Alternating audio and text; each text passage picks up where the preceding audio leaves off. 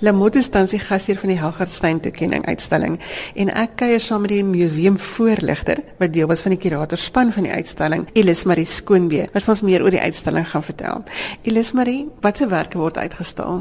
Wel, Lisel, die Helgardstein toekenning is so wyd. Ek moet eers noem dat hierdie toekenning eintlik fokus op vier kunsdissiplines. So dit is beeldhoukuns, skilderkuns, Afrikaanse letterkunde en musiek komposisies, toonkunskomposisies kan ons dit ook noem.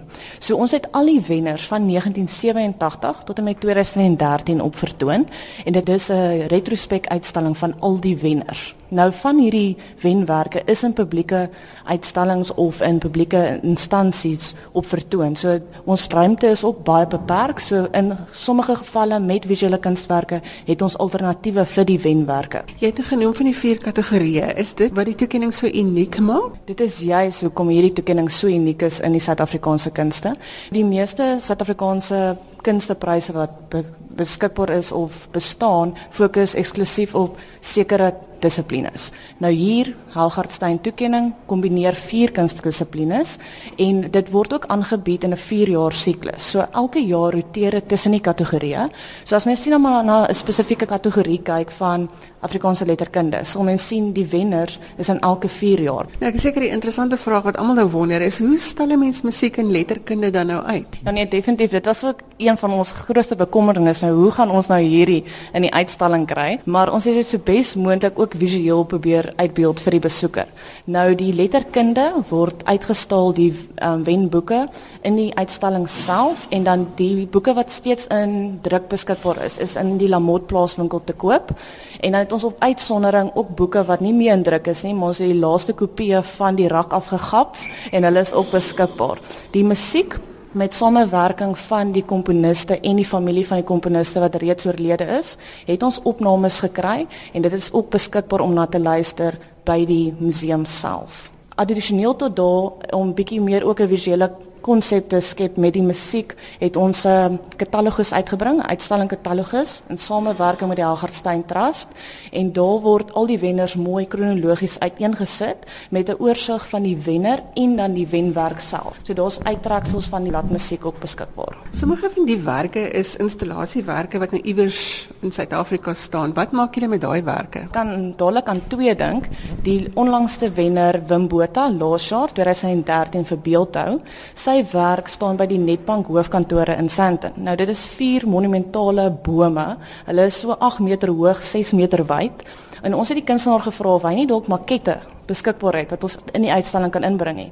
Goedhartig van hom en die Stevenson Galery in Kaapstad het hulle op Braaikleen vir ons makette gegee met twee sketse. Die ander werk is 'n uh, Tekama Adamastor. Dit is 'n opdrag wat gegee is aan Cyril Coetzee deur die Universiteit van Witwatersrand. Nou hierdie werk is in die skilderkategorie. Hy is so 8.5 meter breed en 3.5 meter hoog. Nou ons het die oorspronklike karton tekening van die kunstenaar op Breitleen. So waar die hele oorsprong vandaan gekom het, het ons op vertoon. So dit maak dit ook hierdie uitstalling baie spesiaal. Al is dit nie die spesifieke wenwerk nie, is dit dalk die oorsprong van die wenwerk of 'n element daarvan. Gilles Marie, hoe lank is hierdie uitstalling aan die gang? Nou basies ons roterende uitstalruimtes hou enige iets van 9 tot 12 maande, maar spesifiek met die Helgardstein het ons hom geopen middel Julie vanjaar en hy gaan tot en met volgende jaar middel Julie op vertoon wees. So Julie 2015. Watter anderwerke is by die museum te sien as dit nou nie 'n roterende uitstalling is nie? Basies die res van die museum is meer permanente uitstallings. Nou ons is regtig bekend vir ons Pierneef versameling. Nou ek weet nou nie of al die besoekers by Lamot dink aan die Pierneef kunswerke nie of hulle meer verwys na die restaurant Pierneef Alamot of die Pierneef versameling nie, maar ons het wel 'n Pierneef familie erfenisversameling op vertoon in die museum. Daar's 44 oorspronklike werke en die werke is aangekoop van Pierneef se dogter Marita Bailey teen 2009. So dit maak dit ook 'n baie sentimentele uitstalling en dan is daar persoonlike memorabilia van Pierneef ingesluit in die uitstalling. Die res van die museum fokus bietjie meer oor die kuns en kultuur van Lamot, ons eienaar Hanelie Rupert, bekende mezzo-sopran. So daar's 'n spasie in die museum vir haar musiek wat besoekers na kan luister. In die ingangsportaal fokus dit bietjie meer oor die geskiedenis en die erfenis van Lamot Wynlandgoed. So daar deel ons inligting oor ons vorige eienaars, ons Franse hugenote geskiedenis geskiedenis, argitektuur op die terrein wat ook baie belangrik is, vier fantastiese voorbeelde van Kaap Hollandse geboue wat op die terrein staan, almal provinsiale erfenisterreine. So ons deel graag kuns en kultuur geskiedenis en erfenis met die publiek. En dan is die natuur waarin jy geleë is natuurlik ook 'n kunswerk op sy eie. Definitief. Mens kan nie eers stry daaroor nie en ons bind ook altyd kuns met die natuur. Ons het 'n paar beeldhouwerke wat ook op vertoon is buite-in. So jy het dalk dalk gesien toe jy inry by Lamotte, staan daar 'n pragtige beeld van 4 meter hoog, ons wyndraer. So sy verwelkom ook almal by Lamotte en daai beker van haar wat oorvloei met die water is ook alles wat Lamotte deel met die publiek. Van natuur, kuns en kultuur, goeie wyn, goeie kos en dan die, die geskiedenis en die erfenis. En die museum is op naweke oop, so besoekers kan oor naweke op Sondag kan hulle kom kyk. Ja, die museum se ure is Dinsdag tot Sondag 9 tot 5. En ons doen ook graag groeprondleidings, so as iemand belangstel skoolgroepe of so, kan hulle maar net 'n likeie gee en ons werk dit in ons program in. Dit is totaal ook gratis en komplementêr vir enige gaste, so daar's geen toegangsfooie nie. Die Chilean komponis Hans Huisen was in 2010 die ontvanger van die Helgerstein toekenning in die musiek toonkuns kompetisie kategorie. Hans, waarvoor het jy die toekenning ontvang? Vir die Proteus variasies. Dit was 'n orkeswerk, agt variasies op die Suid-Afrikaanse nasionale plant die Protea en ek het op die die Griekse semigod, eh, die mitologie van daai woord afgekom. Hy het sy gedaante gedurig verwissel en dit was die die rede hoekom Linnaeus wat die plante in Suid-Afrika gekategoriseer het, het daai naam gekies het. So die Proteas staan as mens sou wil as 'n spesies reeds vir groot verskeidenheid variasies. Daar's ehm um, 'n paar honderd net in Suid-Afrika, maar daar is selfs 'n paar duisend in die in die, in die hele wêreld. En ek het gevoel dit is 'n gepaste simbool om 'n werk te skep oor diversiteit.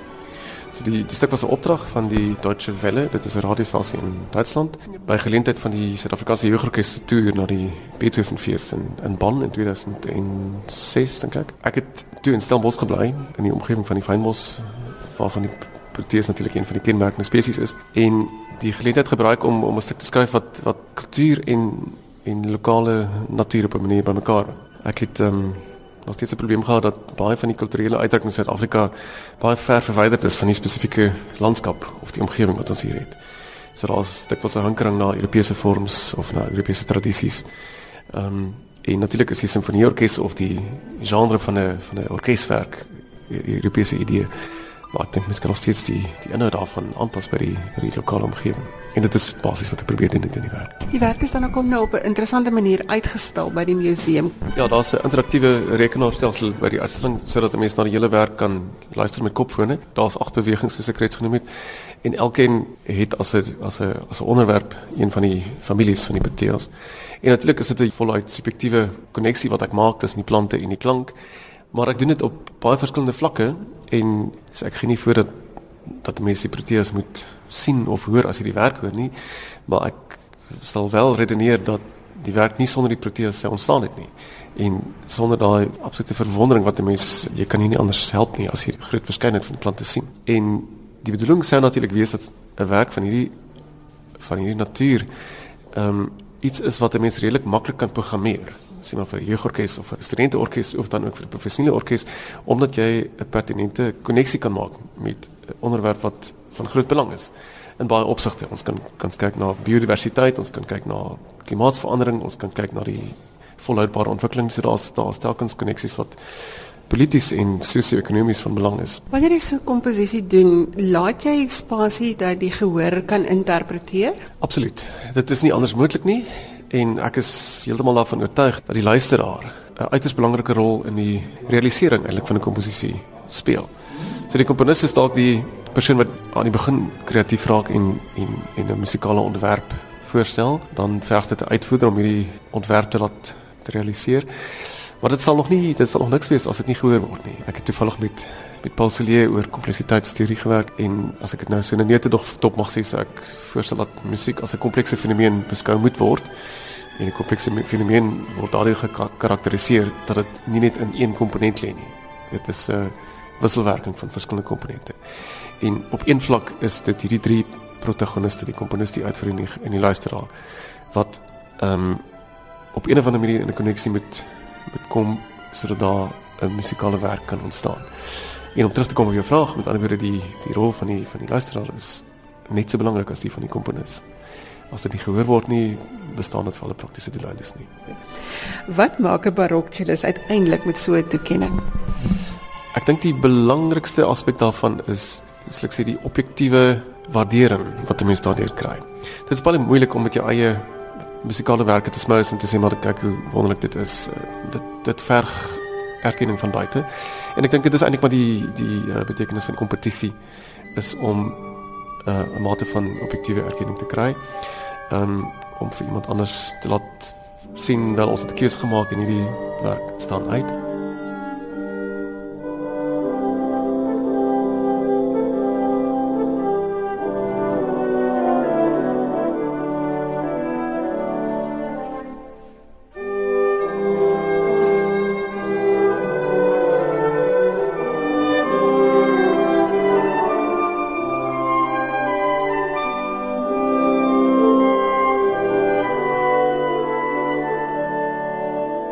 Dansley is 'n bekende skrywer en het in 2004 die prys ontvang vir die boek Eilande wat reeds in 2001 geskryf is. Dan, wat was die inspirasie vir die betrokke titel van Eilande? Wel, dit is 'n titel wat voorgestel is deur Petra Miller. Stemme uit die see was my keuse. Maar sy het vir my aangeraai dat ons die titel Eilande gebruik. Sy sy het dit ook goed gemotiveer en Waar gaan die boek? Uh die agtergrond. Dit gaan oor die eerste 50 jaar van die VOC se bestuur aan die Kaap. Dit begin so 3, 4 jaar voor die Hollanders hier gekom het en dit eindig na omtrent 50 jaar met die groot pokke epidemie en die verwoesting van soveel lewens. Onder die Koina was die sterftes uh, 90%. Hulle het omtrent van die aarde verdwyn met daardie pokke epidemie. Wat maak dat jy pen op papier sit? Ek sê finansiële behoeftes omtrent die die dryfveer. Ehm um, ek was 'n onderwyser toe ek begin skryf het. Destyds het elke skool het 'n biblioteek gehad en aan die einde van die jaar was was daar prysuitdelings en stapels boeke is daar uitgedeel en ek het dit as 'n 'n moontlikheid gesien en vir die skole mark geskryf. Is dit dan spesifiek voorgeskrewe werke wat jy beplan het? Ja, dit was om om om in te pas by die by die geskiedenismark en ook dit is vir die skoolbiblioteek eh, agtergrondstudies, maar ook uh, voorskrywe in taal. Wanneer 'n mens begin skryf, skryf 'n mens nie noodwendig vir toekenninge nie, maar wat beteken 'n toekenning soos hierdie vir 'n skrywer en vir die uitgee van jou werk? Dit beteken wonderlike dinge.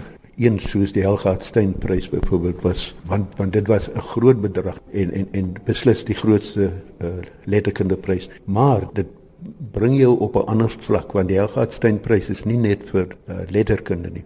Jy word nou as 'n kunstenaar gereken tussen die beeldhouers, die musikante, die komponiste, die skilders jy jy is op 'n ander vlak. Dit het vir my dinge moontlik gemaak.